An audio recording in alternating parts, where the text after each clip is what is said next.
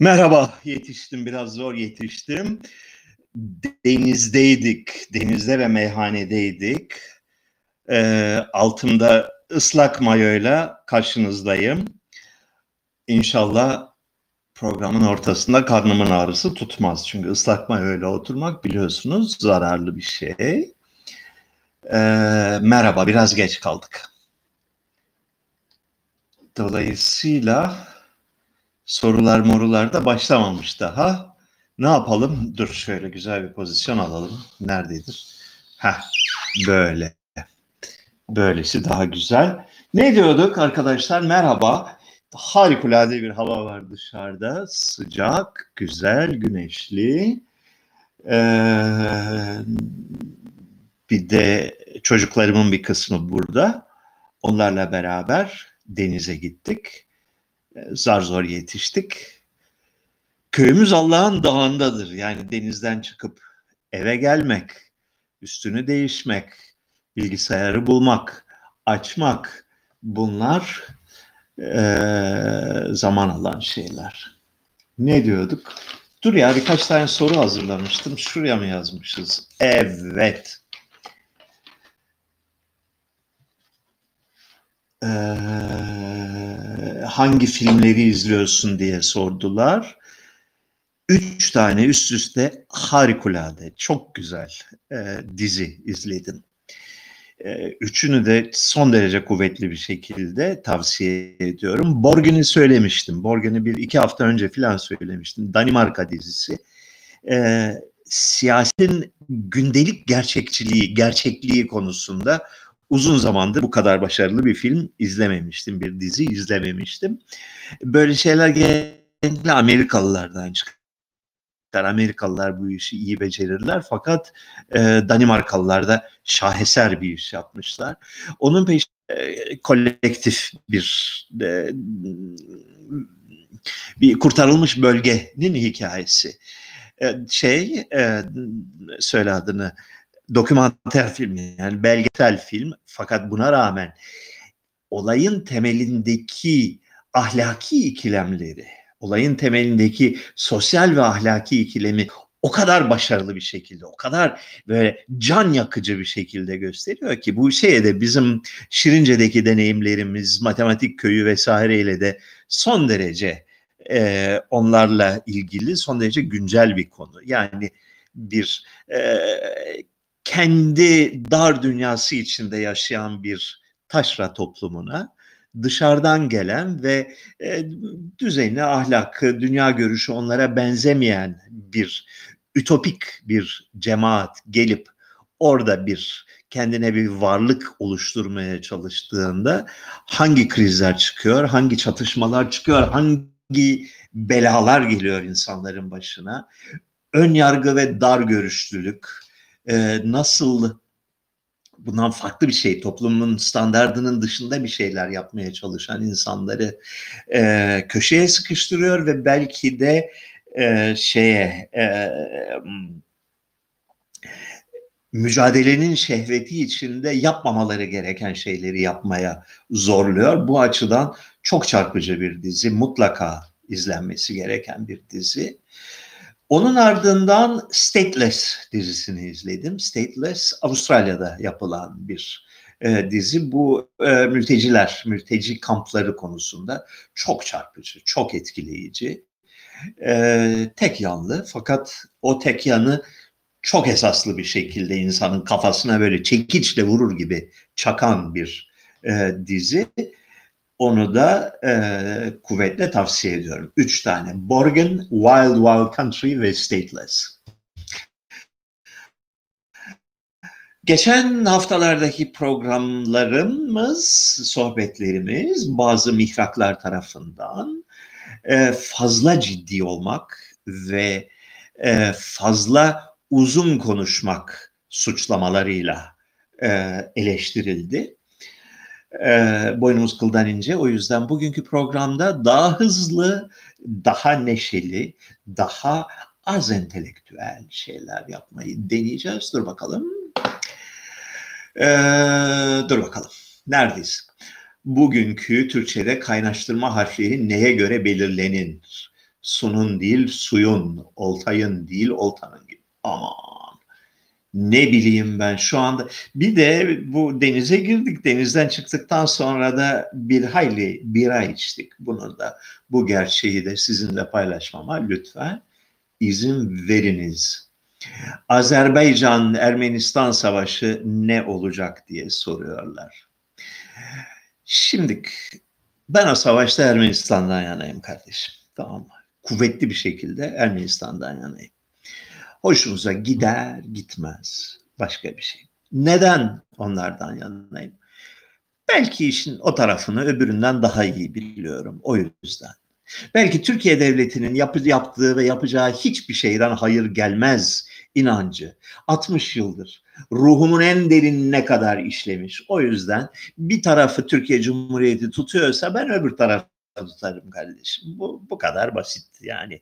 Türkiye Cumhuriyeti'nin namuslu, ahlaklı, düzgün, e, ahlaken doğru bir şey yapması ihtimalini 60 senedir görmemişiz. Bu saatten sonra da göreceğimiz yok. O yüzden Türkiye Cumhuriyeti bütün yalanlarını seferber ederek Azerbaycan'ı destekliyorsa demek ki Azerbaycan bu işte haksızdır. Mantık basit, düz. Ee, temel bir fark var iki, iki yani simetrik olmamasına yol açan bir değil iki tane temel fark var. Birinci temel fark şu. Türkiye Cumhuriyeti'nin 100 yıldan beri temel davalarından biri, temel iddialarından, emellerinden biri Ermenistan'ı yok etmektir. Yenmek yahut da bir takım tavizler koparmak yahut da bazı toprakları geri almak değil, yok etmek. Turancılık bu anlama gelir. Turancılık demek Ermenistan'ı yok etmek anlamına gelir. Yok etmek yani devlet olarak varlığını ortadan kaldırmak, halkı eğer akıllı olup kaçarlarsa kaçarlar yoksa köleleştirilirler ve zaman içinde kaçırılırlar. Türkiye Cumhuriyeti Devleti bu konularda uzmandır. Azerbaycan'ın da çok net bütün Azerbaycan tarafından gelen e, propagandaya baktığınız zaman yok etmekten öyle bir devlet yoktur. Sahte devlettir, suni devlet devlettir, Rusya'nın bilmem kölesidir. O yüzden ortadan kaldırılmalıdır diyen bir bakış açısı. Dünyada şu anda ortadan kaldırılmaya aday olan iki tane devlet var en azından bizim bu coğrafyamızda. Biri İsrail'dir, biri Ermenistan'dır. Dolayısıyla Ermenistan olsun, İsrail olsun, bazı uyguladıkları politikalar yanlış da olsa, e, haksız da olsalar, savunulması gerekir bu iki devletin. Çünkü karşılarındaki güç hain bir güç. Karşılarındaki güç bunları yok etmeyi, milyonlarca insanı sürmeyi tahayyül eden, düşünen, e, arzulayan bir güç. E, bu anlamda bir simetri yok. Yani Ermenilerin Türkiye'yi yahut Azerbaycan'ı yerinden sürmek, yok etmek, e, denize dökmek, e, büyük Turan, Ermeni Turan'ı ve hayali peşinde bunları ezip e, haritadan silmek gibi bir e, hayalleri yok, böyle bir imkanları yok, böyle bir düşünceleri yok, böyle bir şey ileri sürmemişler. Kendilerini savunuyorlar. Kendi azıcık kalmış olan e, tırnaklarıyla tutundukları bir toprağı e, saldırgan bir güce karşı savunuyorlar. Dolayısıyla desteklenmeleri gerekir. İkincisi basit bir gerçek daha var. Ermenistan'ın e, bir e, Dağlık Karabağ sorunu vardı. Daha doğrusu Dağlık Karabağ'ın kendi sorunu vardı. Dağlık Karabağ e, en azından 17. 16. 15. yüzyıldan bu yana Ermenilerle meskun olan bir son derece dağlık yani acayip derecede dağlık çok e, Alp türü dağlardan oluşan bir küçücük bir bölge. E, bu bölgede Ermeniler yaşamışlar. Çünkü neden? Çünkü Müslümanlar e, tarımsal rantı yüksek olmayan yerlere e, önem vermezler. Düz yerleri, düz ayak yerleri zapt ederler ve oraya yerleşirler. E, Allah'ın dağındaki bir takım e, fakir köyleri e, kalsın orası da e, boyun eğdikleri ve bir miktar vergi ödedikleri sürece gayrimüslimler otursun yaklaşımı içinde olurlar. Dağlık Karabağ'ın geçmişi de budur. Düz Karabağ Azeri olmuş, bir kısmı da Kürt olmuş. e, Dağlık Karabağ kısmı Ermenilerin yeri olmuş. E, burası Stalin zamanında nasıl olsa o zamanın Sovyet Cumhuriyetleri idari birer e, fiksiyon yani hayalden ibaret olan yerlerdi. Tamam demişler burası Azerbaycanlı olsun ama özel bölge olsun. Yani kendi dillerinde eğitim görsünler, kendi okullarını kursunlar ama nominal olarak, teorik olarak Azerbaycan'a bağlı olsunlar. 1988'de Azerbaycan'ın bitik anlanıp bağımsız devlet hayallerine düştüğünde e, Dağlık Karabağ durumu son derece riskli olmaya başladı. Bir takım etnik düzenlemeler yani köy boşaltmalar gibi işler olmaya başladı. Bunun üzerine Dağlık Karabağ Azerbaycan'dan bağımsızlık ilan etti. Milis kuvvetleri kurdu. Azerbaycan'ın askeri birliklerini dışarı çıkardı e, Azer şeyden Dağlık Karabağ'ın belli başlı merkezlerinden ve Ermenistan Cumhuriyeti'nin yardımına başvurdu lütfen gelin bizi kurtarın diye. Ermenistan Cumhuriyeti de kerhen büyük ölçüde geldi ve kurtardı onları. Bir 4-5 sene süren son derece kanlı bir çatışma oldu. Ee, Dağlık Karabağ Ermenistan'a ile birleşti. Dağlık Karabağ'la Ermenistan arasında iki tane koridor vardı, bir bölge vardı ve orada 30-40 tane kadar köy, iki tane de kasaba vardı. Laçin koridoru ve öbürünün adı neydi? Laçin koridoru ve bir tane daha iki tane koridor vardı. Ee, burayı da Ermeniler aldılar. Çünkü öbür türlü Dağlık Karabağ'ın askeri yönden savunulması, lojistik yönden desteklenmesi imkansızdı. Buna karşılık Dağlık Karabağ'ın öbür tarafında, düzlük tarafında olan bir takım ilçeler e, Azerilerde kaldı. E, Ermenistan'ın Ermenistan açısından olay çözülmüştür. 27 sene önce çözüldü. Yani daha fazla bir toprak talepleri yok. Ee, olay bitmiştir. Nasıl e, Türkiye Kuzey Kıbrıs'ta statükodan memnundur. Bir şey yapmasına gerek yok. Sırtını döner oturur. Yapacak bir şey yok. E, ee, 27 senedir bu konuyu canlı tutan ve sürekli bir savaş tehdidi konusu haline getiren Azerbaycan'dır. Türkiye'nin desteğiyle ve Türkiye'nin kışkırtmasıyla bu işi yapmaktadır. E, pisliktir. Başka bir şey değildir. E, bu seferinde e, spesifik olarak yani ilk kurşunu atan Ermeniler mi Azeriler mi bilmiyorum. Galiba Ermeniler olmuş. Ama e, bu işler şey değildir. E, yani karşı taraf bir hamle yapar, senin toprağına doğru bir giriş yapar, mecbur kalırsın ateş etmeye. Bu işler böyle. Ee, Ermenistan'ın ayakta kalabilmesinin yegane nedeni tek dayanağı, tek güç, e, güç aldığı yegane odak, merci Rusya'dır. Rusya olmazsa Ermenistan'ın 48 saatlik ömrü vardır. Rusya'nın desteğiyle ayakta kalan bir yerdir. Bundan dolayı Rusya'ya hepimiz insanlık olarak, herkes olarak müteşekkiriz. Ee, iyi ki Rusya var. Yoksa iki gangster devlet, Türkiye ve Azerbaycan, Ermenistan'ı çoktan yok etmiş olurlardı. Bunu da aklımızda tutalım. Ee, madem, evet ne diyoruz? Sayat Nova hakkında neler biliyorsunuz? Madem Ermeni meselelerinden girdik. Sayat Nova 18. yüzyılda e, bugünkü Gürcistan, Ermenistan, Erzurum, Bakü coğrafyasında yani e, Kafkas berisi dediğimiz ülkelerde e, faaliyet göstermiş bir saz şairidir. Ermeni bir saz şairidir. Fakat Ermenice'nin yanı sıra Türkçe, Gürcüce, Farsça ve Kürtçe de söylemiştir. Yani bir profesyonel müzisyendi. Ee, çok şeyli, renkli ve orijinal bir yaşamı var.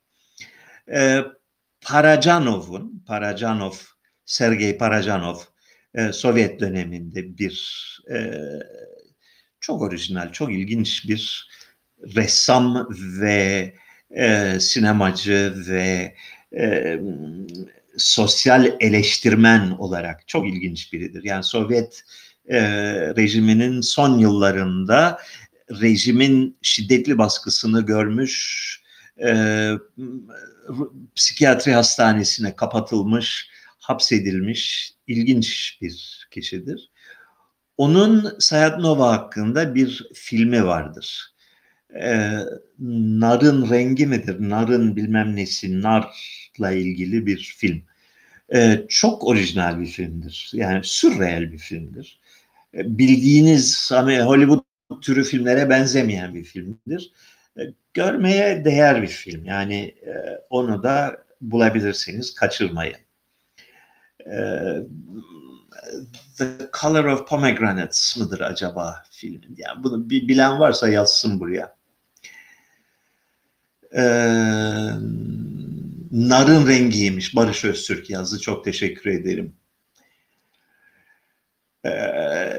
Brexit kampanyasında Türkiye'nin rolünü nasıl yorumlarsınız? Bu what is this? Yani Brexit kampanyasında Türkiye'nin rolü mü varmış? Bu yeni ne bilmiyorum izleyemiyorum her şeyi altım da ıslak. İnşallah bir Yuval Noah Harari'nin kitabını okudunuz mu? Evet, her ikisini de okudum. Üçüncüsünün en son çıkanını okumadım. Fakat Homo Sapiens'i, yani Sapiens'i okudum. Ee, bunu birkaç defa da söyledim. Hatta blogda da bundan söz ettim.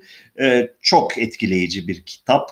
Ee, çağın e, bilimsel ve ideolojik bakış açılarını çok iyi belirleyen ve özetleyen bir kitap. Yani e, insanlık tarihini e, taze ve güzel şey, zeki bir gözle yeniden okumak için e, ideal olduğu kadar 2020'lerin dünyasının düşünüş şekillerini tanımak açısından da çok değerli bir kitap. Mutlaka okunması gerekir.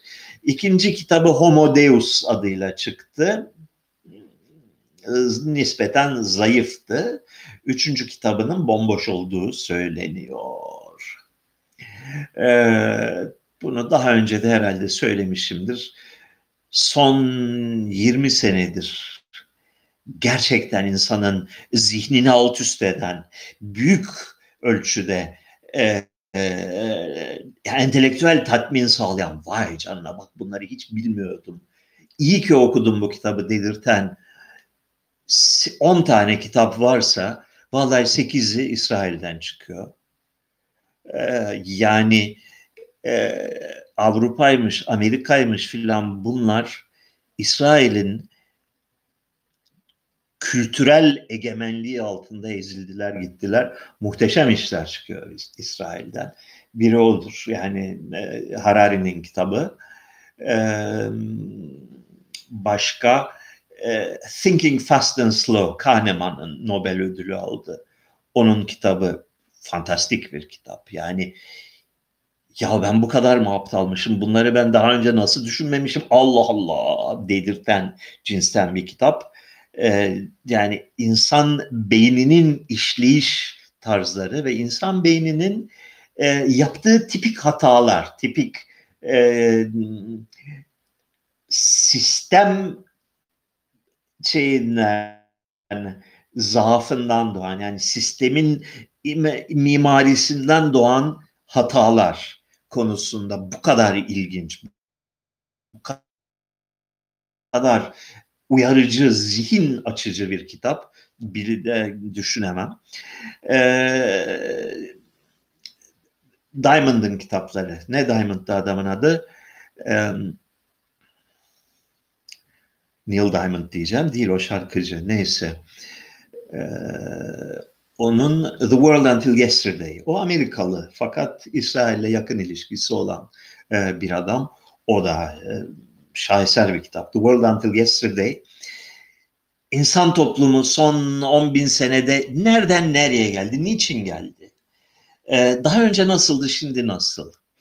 İlkel denilen toplumlar nedir, nasıl e, yaşarlar? Modern toplumdan, ha, Jared Diamond pardon bak herkes biliyor Jared'i. Ben de biliyorum Jared'i. Bu isim unutma meselesi feci bir şey arkadaşlar. Size bir tavsiyem var. Yaşlanmayın Ee,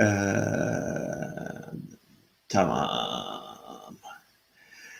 Eric Hobsbawm iyi bir yazardır, ilginç bir yazardır. Fakat e, daha önceki bir kuşağın bir yazarıdır. Yani 1940'ların 50'lerin yazarıdır. Ve 1930'ların 40'ların ideolojik paradigmaları içine hapsolmuş bir yazardır. 21. yüzyıla adım atabilmiş olanlardan değil. Ee, The Bible Unearthed diye bir kitaptan daha önce de söz ettim. Ee, Tevrat'ın arkeolojisi diye tercüme edebileceğimiz bir kitap. Onun da yazarların adını şu anda e, hatırlamamı beklemeyeyim benden. The Bible Unearthed. E, çok parlak bir kitap. Böyle yavaş yavaş giden, e, ne kadar radikal olduğunu baştan belli etmeyen, adım adım adım ar, e, argümanını kuran ve şu soruyu soran. Tevrat'taki anlatılan öykünün yani Hazreti Süleyman, Davut, e, işte Mısır'dan çıkış, e, bu öykünün arkeolojik bir karşılığı olmadığını biliyoruz. Yani böyle olaylar olmamış tarihte. Yani e, öykü masal. Peki bu masalı niçin anlatmışlar? Neden bu masalı böyle anlatmışlar? Başka türlü anlatmamışlar. Ee, Süleyman öyküsünün, e, Davut öyküsünün somut anlamı nedir? Ne derdi ne ki böyle bir hikaye anlatıyorlar? Bu bu bilimsel bakış açısı, realist bakış açısı, eleştirel bakış açısı o kadar zevkli bir şey ki. Yani bir kere onun tadını alırsan yani gerçekten zeki insanların, gerçekten derinlemesine malumat sahibi insanların, yani konularını iyi bilen ve sağlam mantıki argüman kura, kurabilen insanların bakış açısından tarihteki muammaları çözmeye çalışmak o kadar zevkli bir iş ki. Yani tarif edemem. Nöldeke'nin İslamiyet hakkındaki kitapları hakkında ne düşünüyorsunuz? E, Nöldeke e, 20. yüzyıl başında, 19. yüzyıl sonunda yani günümüzden 120 yıl kadar önce e, Alman oryantalizminin kurucu babalarından biri olmuş bir alimdir. Yani e, Kur'an hakkında, İslam'ın ilk dönemleri hakkında e, son derece e, sempatiyle yaklaşan, yani konusuna saygı duyan fakat aklın acımasız yolundan taviz vermeyen bir yazardır. Çok iyi bir filologdur, çok iyi bir dil alimidir, Arapça alimidir, iyi bir tarihçidir. Ee, tabii ki 19. yüzyıl Alman akademizmasının hemen hemen tüm ürünleri gibi alışık değilsen eğer yani o dile, o zihniyete alışık değilsen feci derecede sıkıcı gelir. Detaylarla uğraşırlar. Böyle oya gibi argüman öğrenirler. Ve bunu ağdalı ve opak bir dille yaparlar. E, fakat o dilin de zevkine vardığın zaman başka bir seviyeye yükseldiğini hissedersin. Oryantalizm diye son 30-40 yıldır aşağılanan ve kötülenen akademik gelenek dünya tarihinde benzeri olmayan zenginlikte ve entelektüel cesarete sahip bir e, akademik teşebbüstür. Günümüzde çok fazla şeyi kalmadı. hayatiyeti kaldı sonlarında başlar. 20. yüzyıl ortalarına dek e, Batı üniversitelerinde başta Almanya olmak üzere peşinci daha saygılı, e, daha esaslı bir düzeyde e, ciddiye alan bir literatür oluşmuştur. İnsan kültürünün, insan medeniyetinin büyük eserlerinden biridir. Bunu oryantalizm deyip aşağılayanlar soytarıdır. Başka bir şey değildir. Yani e, tribünler alkış için oynayan e, entelektüel tutarlılığa ve ciddiyete, olgular karşısında saygıya önem vermeyen ideologlardır. Hmm, Edward Said de bunlardan biridir. Pontius Pilatus Güney İtalya Helenlerinden miydi? Nereden buluyorsunuz bu soruları? Allah aşkına ya böyle soru sorulur mu Allah aşkına? Korkak bir insandı tüm devlet memurları gibi. İsa'yı bunun önüne ya, fanatik Yahudiler e, İsa'yı yargılanmak için Pontius Pilatus'a getirdiler. Adam dinledi. Oğlum sen Mesih misin diye sordu. İsa da öyle diyorlar diye cevap verdi. Peki sen yani ne yapacaksın? Krallığını mı kurdun? diye sordu. O da benim krallığım başka bir düzlemin krallığıdır. Siz anlayamazsınız gibi bir cevap verdi. Pontius Pilatus da dedi ki ya tipik bir dini meczup. Yani bu suçlu muçlu değil. Ben bunu idam edemem. Ee, yani bunu affedelim. Yani bir bulun bir şeyi hukuki şeyini formülünü bunu salalım. Bu zararsız bir adam diye cevap verdi. Ee, dindar Yahudiler ayaklandılar. Olmaz bunu asalım, asalım, asalım diye bağırdılar. O da günah benden gitti dedi. Ellerini yıkadı ve idam emrini imzaladı. Bu e, tipik devlet memuru e, korkaklığının, e, ahlaki bir duruşa sahip olmayışın, ahlaki duruşunun zayıflığının e, son derece tipik, son derece emblematik, örnek bir numunesidir. E, ve bu şekilde e, Hristiyan mitolojisinde 2000 seneden beri anılır. Korkaklığı nedeniyle günahkar olan, gerçek kötülerden bu açıdan daha da kötü olan bir zihniyetin temsilcisidir. Şimdi Pontius demek Pontuslu demek. Karadenizli demek. Muhtemelen. Yani kim olduğunu bilmiyoruz. Bu şahsa ait başka herhangi bir kaynakta herhangi bir bilgi yok. Sadece İncil'de yazılanları biliyoruz. Adamın adı Pontius. Pontius demek Pontuslu demek. Karadenizli. Pilatus soyadı veya unvanı veya lakabı kıllı. Pilatus demek kıllı demek. Yani epilasyon vardır ya öyle şey hanımlar kıllarını yoldururlar. İşte o oradaki pilus. Pontius Pilatus demek kıllı Laz demek. Yani ne, ne yaparsınız bu bilgiyle bilmiyorum. Ama Güney İtalyalı olduğunu duymamıştım. Ee, hocam Kızılderililerle İnkalar dur bir dakika ya. Ya Kızılderililer İnkalar akraba mı? Ne? Ya ne ne ne ne ya bu ya soru ya. ya. Ee, Salieri Mozart'ı zehirlemedi. Filmlerde gördüğünüz her şeye inanmayın. Ee, Amadeus filmini gördünüz mü veya oyununu? Amadeus Miloš Forman'ın filmi 1980'lerde miydi, 90'ların başında mıydı neydi? O zamanlar çok çok çok büyük sükse yapmıştı Amadeus filmi. Amadeus filminin şeyi ve o onun e, bir oyuna dayanıyor, oyunda bir romana dayanıyor galiba. Ee, Viyana'da e, Mozart'la çağdaş olan, onunla aynı dönemin e, ürünü olan Salieri adlı bir besteci var. İyi bir bestecidir Salieri. Çok güzel, çok yani unutulmaz güzellikte eserleri vardır.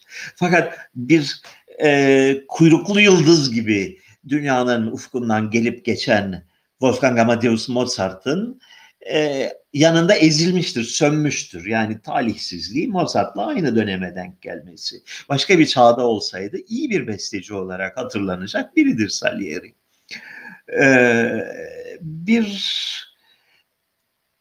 bu öykü üzerine ilk yazarı kimdir hatırlamıyorum. Yani Miloš Forman değil her o oyunu veya romanı yazan kişi. Bir hayali bir öykü oluşturmuş. Salieri'nin kimliğinde e, vasatlık e, gölgesi altında yaşayan bir bestecinin. Yani iyi bir besteci fakat çok çok çok iyi değil. İyi bir besteci görevini, şeyini, işini iyi yapan, e, sözüne sadık, düzgün, e, yanlış yapmayan fakat dehanın yakıcı kıvılcımından yoksun olan e, bir bestecinin e, talihsizliği ve kıskançlığı üzerine kurulu bir oyun ki konu o zaman ilginç. Yani gerçek şey değil, gerçek bir olaya tekabül etmiyor. E, ve şey ihtimalini ortaya atıyor. Acaba Mozart'ı Salieri zehirledi mi? Çünkü Mozart 36 yaşındayken pat diye öldü. Hiç şeysiz. E, sebebi yokken yani hasta hasta da değilken 3-5 e, gün süren bir hastalığın sonucunda öldü, ölüverdi. E, acaba zehirlendi mi ve acaba Salieri mi zehirledi? Üzerine kurulu bir filmdi. E, e, Amadeus görmeye değer. Ben sevmemiştim. Çünkü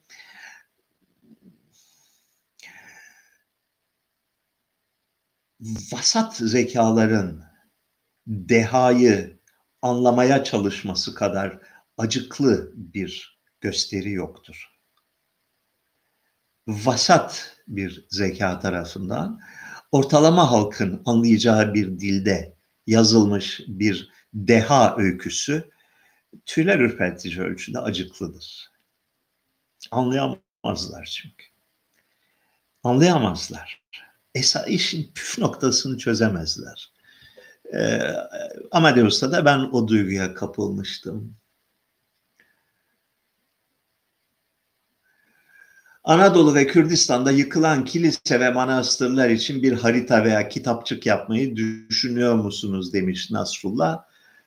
Ee, yok yani o kadar o kadar emek e, iste, değer mi bilmiyorum. E, benim kitaplarımın arasında genellikle unutulan, benim bile bazen unuttuğum galiba en iyi kitabım, en iyi kitabım e, Doğu Anadolu rehberidir. Ankara'nın doğusundaki Türkiye adıyla çıktı. Daha doğrusu iki dillidir. Hem Türkçe hem İngilizcedir. İngilizcesinin e, adı Eastern Turkey. A, e, Traveler's Guide to Eastern Turkey. Türkçesi Ankara'nın doğusundaki Türkiye. Orada çok malzeme vardır. Orada 6 yıl boyunca didik didik didik didik bütün doğuyu gezdim. Yani Urfa'sından, Mardin'inden, e, Artvin'inden, e, e, Tunceli'sine kadar, Hakkari'sine kadar gitmediğim yer kalmadı. Ne kadar yani uzak bir ihtimal bile orada bilmem nerede bir manastır varmış ama emin değilim yıkılmış mıdır nedir diye bir şey kulağıma geldi mi gittim oraya.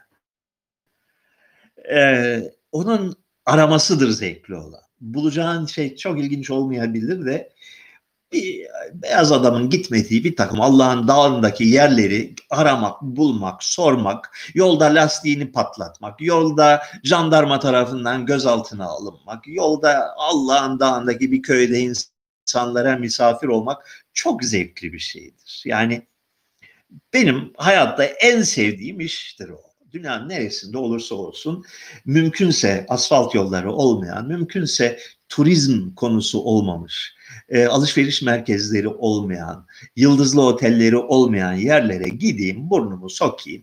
Bir kitabın bir yerinde okumuşumdur. Bilmem ne manastırı varmış orada dağda diye. Bu e, Sri Lanka'da da olabilir. Bu e, dünyanın herhangi bir yerinde olabilir. Hindistan'da da olabilir. E, Peru'da da olabilir. O yeri aramak, oraya ulaşan bu sene ilk kişi benim galiba yabancı olarak duygusunu yaşamak.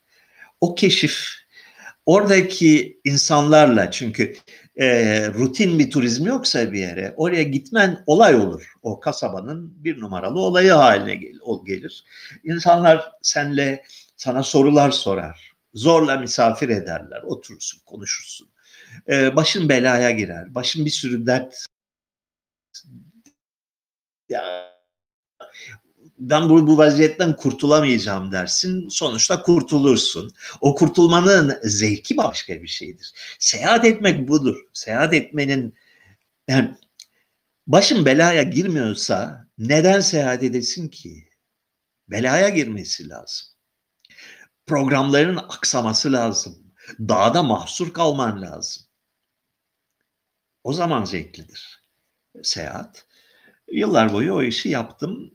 Türkiye'de, Türkiye'nin özellikle doğu yarısı e, bu tür seyahat için son derece uygun mekandır. E, tehlikeli değildir. Yani insanlar yabancılara karşı, hani yabancı derken dışarıdan gelenlere karşı son derece konuksever ve son derece cömerttir. E, yalnız yerlisi değil, yalnız Kürdü yahut Türkü yahut e, Süryanisi yahut Arabı değil, e, polisi de, devlet memuru da böyledir. Yani her gittiğimiz yerde her kesimden, polis ve jandarma ve kaymakam dahil olmak üzere e, konukseverlik gördük, e, dostluk gördük, merak gördük, ilginç. Yani kim lan bu adam? Hem de Ermeni, kalkmış buralara gelmiş, tipine bakarsan böyle oturaklı bir adama benziyor. Ama Allah'ın dağında e, yere bir bez e, örtüp yatıp uyuyabiliyor. Tek başına geziyor. Hiçbir koruması yok. Silahlı değil. Yanında şeyleri yok. Korumaları ya da Mercedes yok. Külüstür her tarafı çarpık bir kartal e, arabayla geziyor e, arabası bozulduğunda oto tamircinin atölyesine girip elini elini yüzünü buzu gözünü yağlayıp e, tamirata yardımcı oluyor. Yani aslında biz bu adamı e, tamirci çırağı olarak istihdam bile edebiliriz. E, olmadık insanların evinde yatıp kalkabiliyor rahatlıkla ama kaymakamla da valiyle de aynı rahatlıkla senli benli konuşabiliyor. Ne lan bu adam? Bu da çok zevkli bir dinamik, bir diyalektik doğuruyor. Yani o seni keşfetmeye çalışıyor, sen onları keşfetmeye çalışıyorsun. Ee, güzel. Ne diyorduk?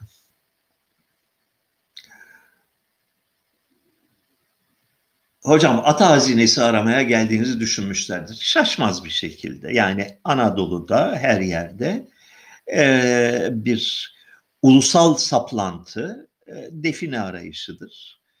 E, Türkiye nüfusunun zannediyorum dörtte üçünün e, hayattaki yegane hobisi, yegane emelli rüyası, hayali futboldan da önce defineciliktir. Yani gavur hazinesi bulmaktır.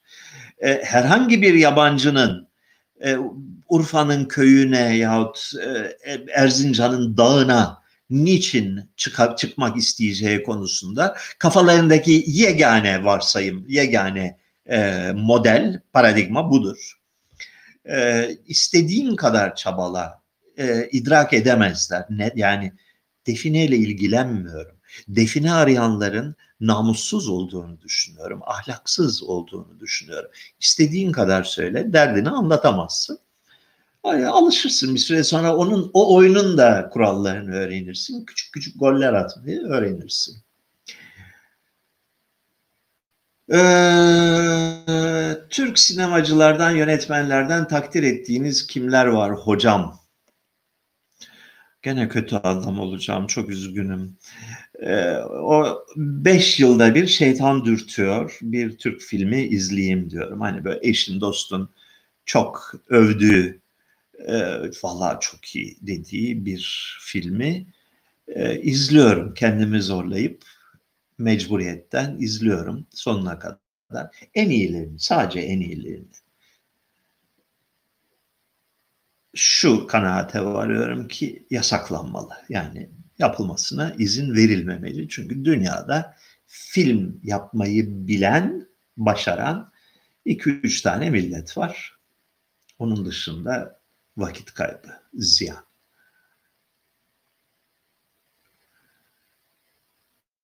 Ee, Kemal Sunal yok Kemal Sunal filmleri de kötü. Çok kötü. Yani kusura bakmayın yani komedinin de iyisi vardır, kötüsü vardır. E, belli ki belli bir sosyolojik ihtiyaca cevap veriyor. Yani bu kadar popüler olabildiyse Kemal Sunal filmleri demek ki bir bir şeye karşılık geliyor. Buna saygı duymak lazım. E, Cem Yılmaz'ın bir iki filmi e, komik. Yani Cem Yılmaz'ın e, ilk başlardaki, ilk yıllardaki komedi anlayışı e, çarpıcı bir komedi anlayışıdır. Yani güldürüyor, iyidir. Felsefeci Ahmet Arslan'ı tanır mısınız? Tanımıyorum, hayır bilmiyorum, özür dilerim. Ee, Nuri Bilge Ceylan, yani Nuri Bilge, neyse, bayıyor, bayıyor. Yani bay, bayılıyorum. Karşındakini adam yerine koymaktır. Karşındakinin zekasına güvenmektir.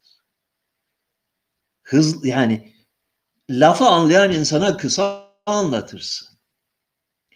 Bir buçuk saat böyle bakışıyor, böyle bakışıyor. Aynı şeyi bir kere daha, bir kere daha, bir kere daha, bir kere daha anlatıyor. Böylece sanatsal bir şey elde ediyor. Sikmişim öyle sanatı. Yani daha beter belaya sokun başınızı. Ezikliğinizi aşmak için bir fırsattır. Çünkü kuyruk sıkışınca eziklikle utangaçlık işe yaramaz. Kuyruk sıkışınca sarsman lazım ortalığı ki kuyruğu kurtarabilesin. Kal. Mecbursun. Bakalım o zaman ezik ve utangaç kalabiliyor musun?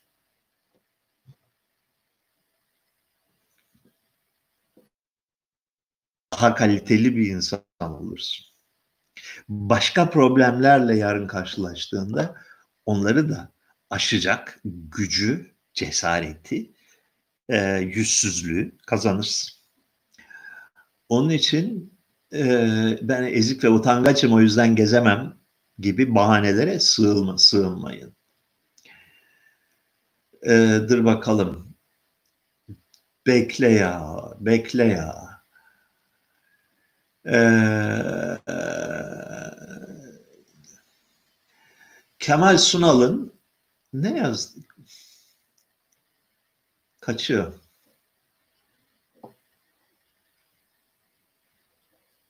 Neyse, e, Kemal Sunal'ın şöyle şu, şu mealde bir soruydu. Kemal Sunal'ın din adamlarını para göz ve e, göstermesi ve e, asalak göstermesi hakkında ne düşünüyorsunuz diye.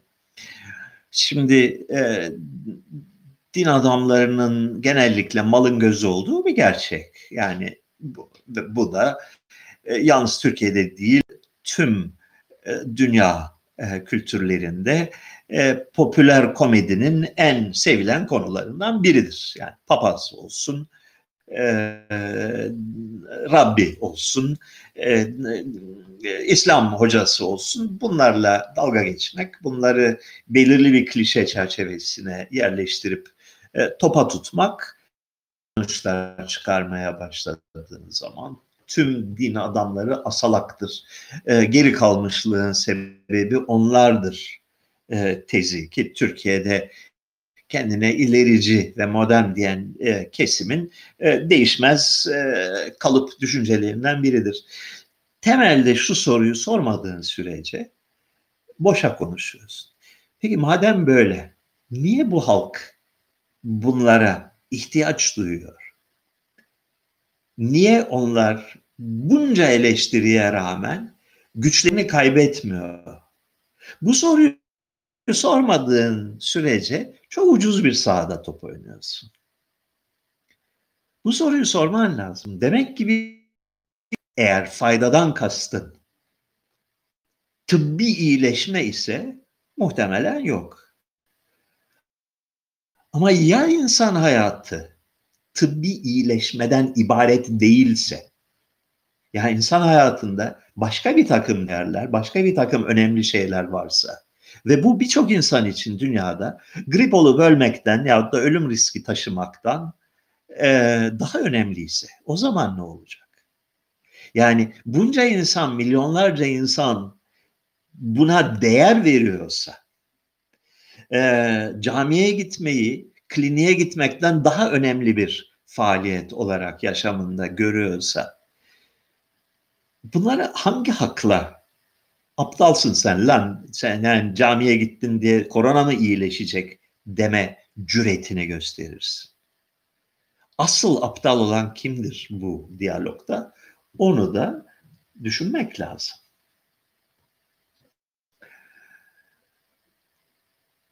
Yani okudukça insanlar aptallaşır Türkiye'de. Ee, benim yaptığım gibi gezerseniz, e, köyle, kasabayla tanışırsanız, insanlarla yani büyük şehirler dışındaki insanlarla haşır neşir olursanız, onların sofrasına oturursanız, onlarla koğuş paylaşırsanız cezaevinde bir basit gerçekle tanışırsınız. Bu insanlar aptal değil, bayağı zeki, bayağı dünya yani içsel tutarlığı olan bakışları, görüşleri var. Yani sen onları ikna edinceye kadar o seni ikna edebiliyor bazen. Ee, İstanbul, Ankara, İzmir'in e, belirli semtlerinde apartman dairesinde oturup ahkam kesenlerin çoğu diğerlerine nazaran bir hayli daha ahmak. Bu bir gerçek. Özellikle okumuş olanlar, özellikle üniversite mezunu olanları çok kısır görüşlü, çok çok zayıf. Dünya algıları, dünya tecrübeleri, dünyanın gerçekleri hakkındaki içgüdüsel duruşları zayıf. Celal Şengör hakkında ne düşünüyorsunuz? Çok orijinal bir soru ya bu. Bunu nasıl düşündünüz? Bravo. Ee,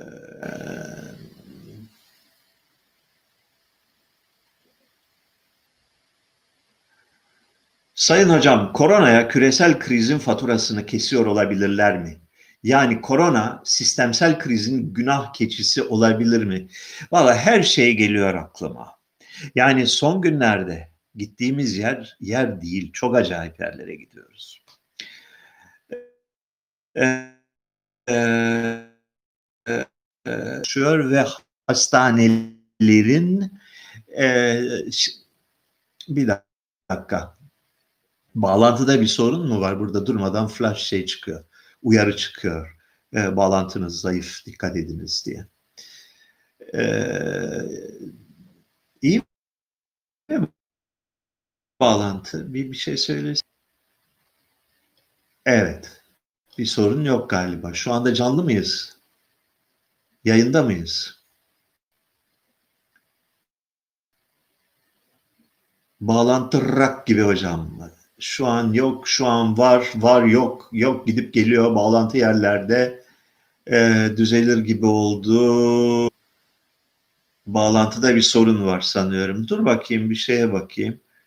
E, tipi link yok, bağlantıda bir sorun yok görünüyor.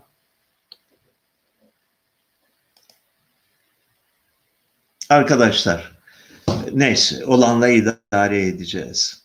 E, Güney Afrika Cumhuriyeti'nde alkol satışlarını yasakladılar. Çünkü hastaneler aşırı derecede yoğun olduğu için hastanelere daha fazla iş çıkarmamak için insanların içki içmesini yasakladılar. Bunun ne kadar korkunç bir şey olduğunu ben anlatamam, tarif edemem. Bu, e, 500 yıllık bir mücadelenin hüsranla sonuçlanmasıdır bu. Bu özetle diyor ki herhangi bir gerekçeyle yani e, senin yarın öbür gün seks yapmayı da yasaklayabiliriz. Araba kullanmayı da yasaklayabiliriz. Çünkü bizim için öncelik bürokratik sistemin, hastane sisteminin işlemesidir. Ee, senin varlığın buna hizmet ettiğin sürece vardır. Dolayısıyla bir dahaki emre kadar otomobil kullanmayı yasaklıyoruz da diyebilirler. Dağda yürüyüş yapmayı yasaklıyoruz diyebilirler. Denize girmeyi yasaklıyoruz diyebilirler. Mantık açılmıştır, yol açılmıştır. Ee, Filipinler'de polis ev ev dolaşıp korona taraması yapmaya başlamış. evine geliyor ve sen istesen de istemesen de sağlık taraması yapıyor. Bunlar korkunç şeylerdir arkadaşlar. Bunlar e, dünyanın tarihte eşi görülmemiş bir felakete gittiğinin e, belirtileridir. Amerika'da Portland'da olan olayları izliyor musunuz son iki gündür bilmiyorum. E, aynen Türkiye'deki gibi e, işaretsiz minibüslerle ortalıkta dolaşan askeri kıyafetli kişiler kim oldukları belli değil. Merkezi hükümet tarafından, federal hükümet tarafından gönderilen ajanlar olduğu ortaya çıktı. Gelişi güzel göstericileri arabaya atıp tutuklamaya başladılar. Tamamen yasa dışı bir olay. Ee, Oregon eyaleti e, ultimatom verdi federal hükümete. Bu adamları çekin yoksa biz bunları tutuklamaya başlayacağız diye. Bunlar tarihte ender rastlanır olaylardandır. Bunlar bir bütün bir sistemin e, tamiri imkansız bir şekilde çöküşe gittiğini göstermektedir. E, sonumuz hayırlı olur inşallah fakat bu gidiş çok kötü bir gidiştir. E, koronayı bilinçli olarak mı böyle bir şeye e, bahane ettiler bilmiyorum. Fakat e, benim tahminim daha ziyade bir akıl tutulması, bir akıl durması hadisesi var.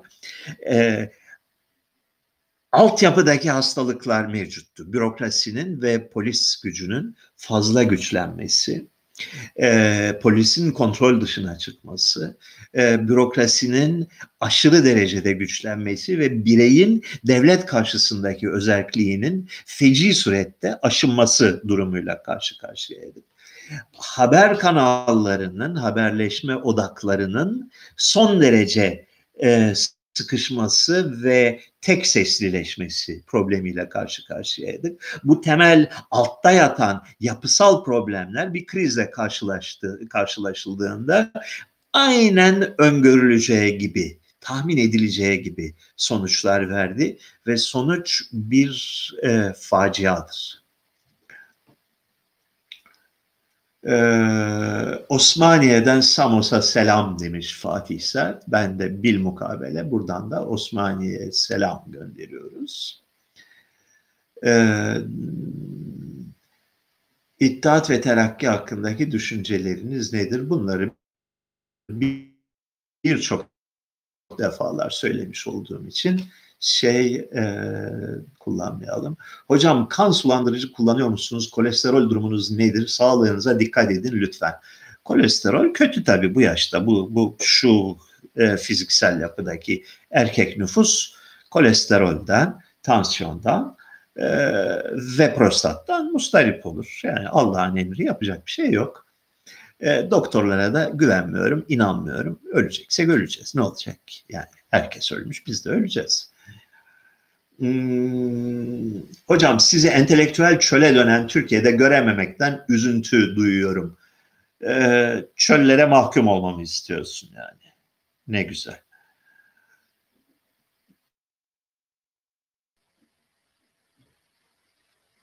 Hocam dur. Ya, yavaş git be kardeşim ya. Diyarbakır'dan Samos'a selamlar. Türkü Türkene. Mümtazer Türk ile bir alakanız var mı? Ee, Mümtazer Bey'le birkaç kez yüz yüze tanışma ve sohbet etme fırsatı bulmuştum. Ee, yanlış yerlerde top oynayan akıllı ve zeki ve hırslı bir insan izlenimini uyandırmıştı. E, hapiste olması, hapis demeyeceğiz ona, esir olması, rehin olması e, Türkiye için bir kayıptır. Ee,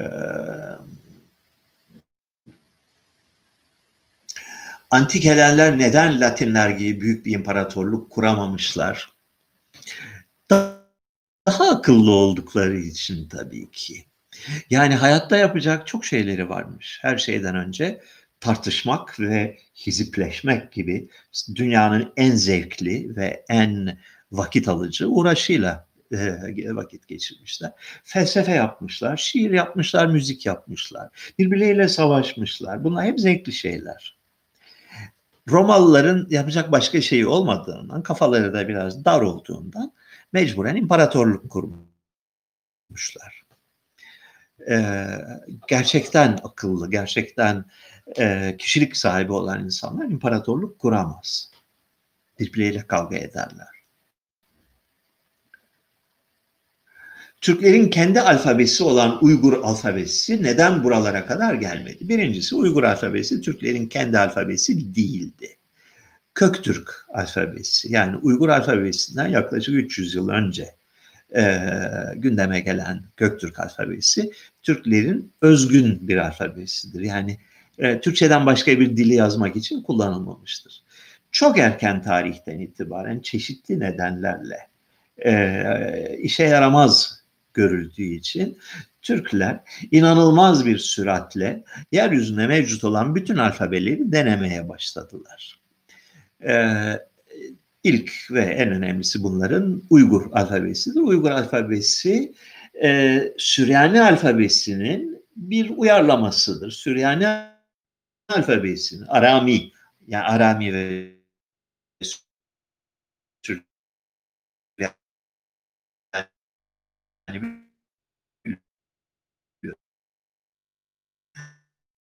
Aramilerden, Suriye'den kalkıyor, Doğu İran'a, oradan Orta Asya'ya, oradan e, sıçrayan bir alfabe.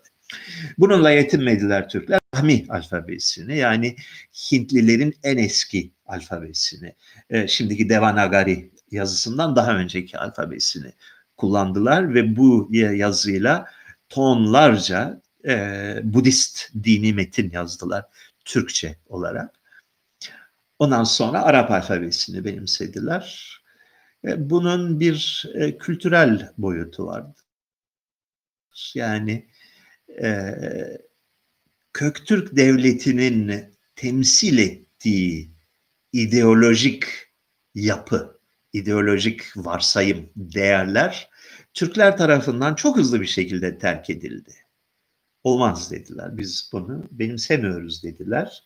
Ve Göktürk Devleti'nin daha e, kırkı sayılmadan yani Göktürk Devleti daha sallantıdayken Türkler dehşetli bir hızla Hristiyan dinini, Budist dinini, İslam dinini benimsediler. Çünkü bir kültürel ufuk açılması ihtiyacı içindeydiler. Bunun içinde dışa bakıyorlardı. Dış dünyadan kültür ithal etme sevdasına düştüler. Neden? Çünkü kendi kültürleri yetmiyordu. Kendi kültürleri e, cazip bir kültür değildi.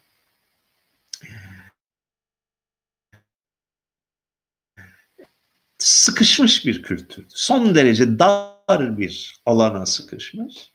Dar bir repertuara sahip bir kültürdü. Oysa ki daha büyük bir şeyler arayışı içindeydiler. Türkler ki e, dünyanın büyük imparatorluklarının ve büyük kültürlerinin normlarını, dillerini, alfabelerini ve dinlerini birbiri ardında böyle makinalı tüfek gibi sırayla benimsediler. Çünkü arayış içindeydiler.